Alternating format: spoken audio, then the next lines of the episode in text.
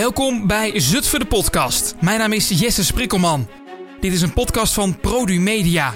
In deze korte podcast vertel ik je de verhalen die Zutphen te vertellen heeft. Van verhalen uit de verre geschiedenis tot verhalen die niet eens zo heel lang geleden zijn.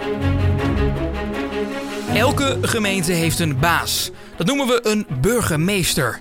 In 1657 kreeg Zutphen voor het eerst een burgemeester. En wie dat was, dat vragen we even aan de huidige burgemeester, Annemieke Vermeulen. Wie was de eerste burgemeester van Zutphen? Oh ja, geen idee. Vertel eens, iemand van de adel en een man, schat ik in. Ja, dat was uh, Hendrik van der Capelle tot Reis. Ja, zie je, ja. Geen foto ervan op kantoor hangen? Nee, nee, maar weet je het grappig is? Want dat gaan we wel doen. Er is hier nergens een eergalerij van alle oud-burgemeesters. Het is de enige gemeente in Nederland die dat niet heeft. Dat is wel raar. Ja, dat is heel raar. Zeker... had iedereen deze vraag geweest. Ja, zeker voor zo'n historische stad. Dus dat heb ik me in ieder geval ten doel gesteld. Gaan we doen. Evenals een portret van de koning. Tijdens de Tweede Wereldoorlog was Johannes Dijkmeester burgemeester van Zutphen. Hij heeft dit ruim 25 jaar gedaan en was zeer waarschijnlijk de meest heldhaftige.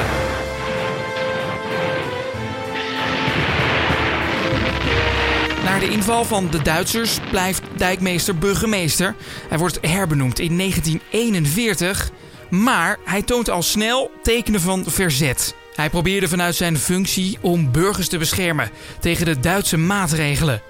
Hij wilde de tewerkstelling van jonge mannen in Duitsland voorkomen, net als het oppakken van Joodse inwoners. Eind 1943 is het geduld van de Duitse bezetter op. Dijkmeester wordt vervangen door een NSB-burgemeester en hij wordt gearresteerd. Wat de concrete aanleiding is voor zijn arrestatie, dat is helaas niet na te gaan in de openbare digitale archieven. Hij overlijdt uiteindelijk in een concentratiekamp.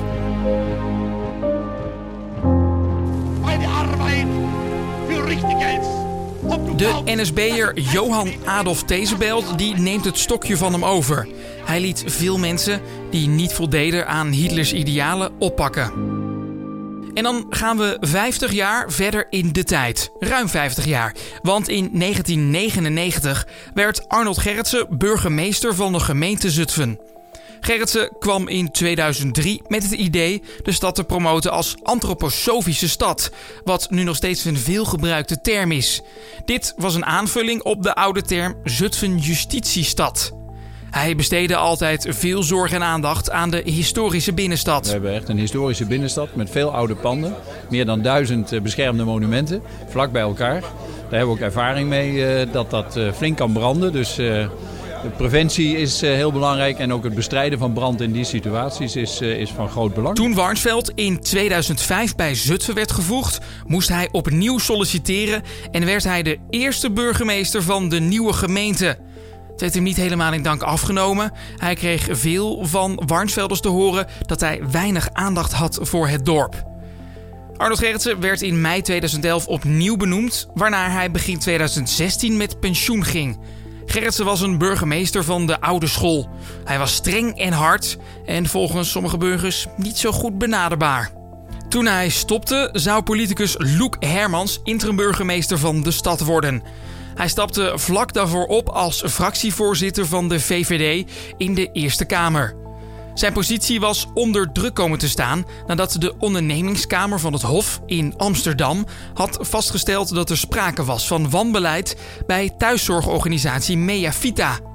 Loek was president-commissaris van het bedrijf dat in 2009 failliet ging. Dit was een grote rel in de lokale politiek. De gemeenteraad van Zutphen die trok uiteindelijk hun steun in, waardoor hij besloot toch niet naar de stad te trekken. Carrie Abbenues mocht uiteindelijk een jaar lang voor de stad zorgen.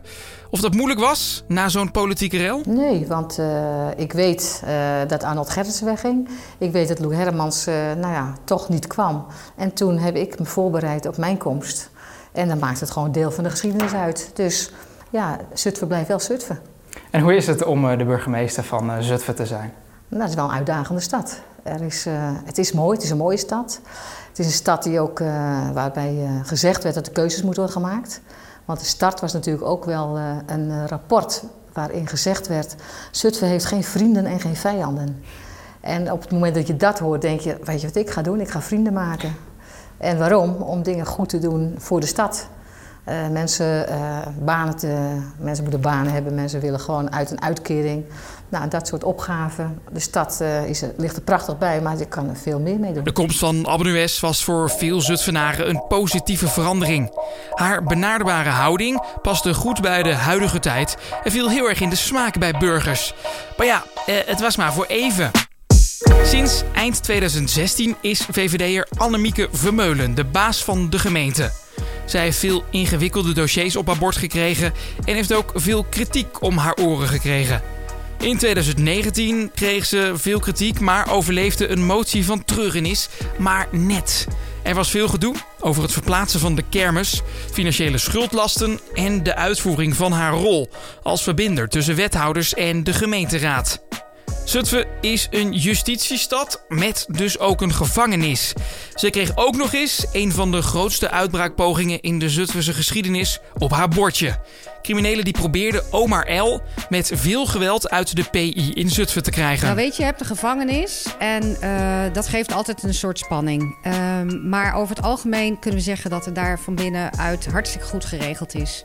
En ook nu is deze poging uh, natuurlijk vereideld en heeft de politie ongelooflijk goed opgetreden. Dus uh, wat dat betreft eigenlijk alleen maar goed nieuws. En ook weer een heel, heel goed even om alert te zijn weer met z'n allen.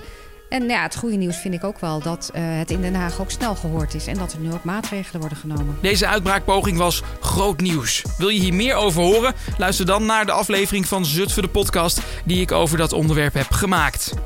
Ook was Vermeulen burgemeester van Zutphen tijdens de coronapandemie. Een zware taak, vol met onder andere bezorgdheid rondom de burgers.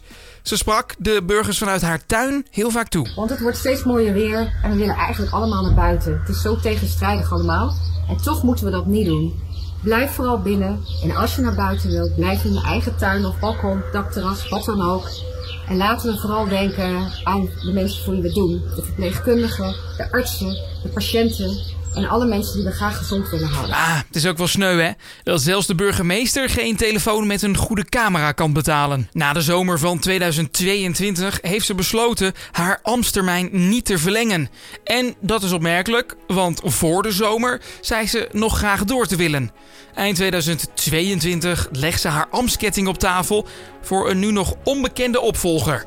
Dit was Zutphen de podcast over burgemeesters. Wil je reageren? Stuur dan een berichtje via Instagram. Daar heet ik Jesse is dit. Zutphen de podcast is een podcast van Produmedia. Media.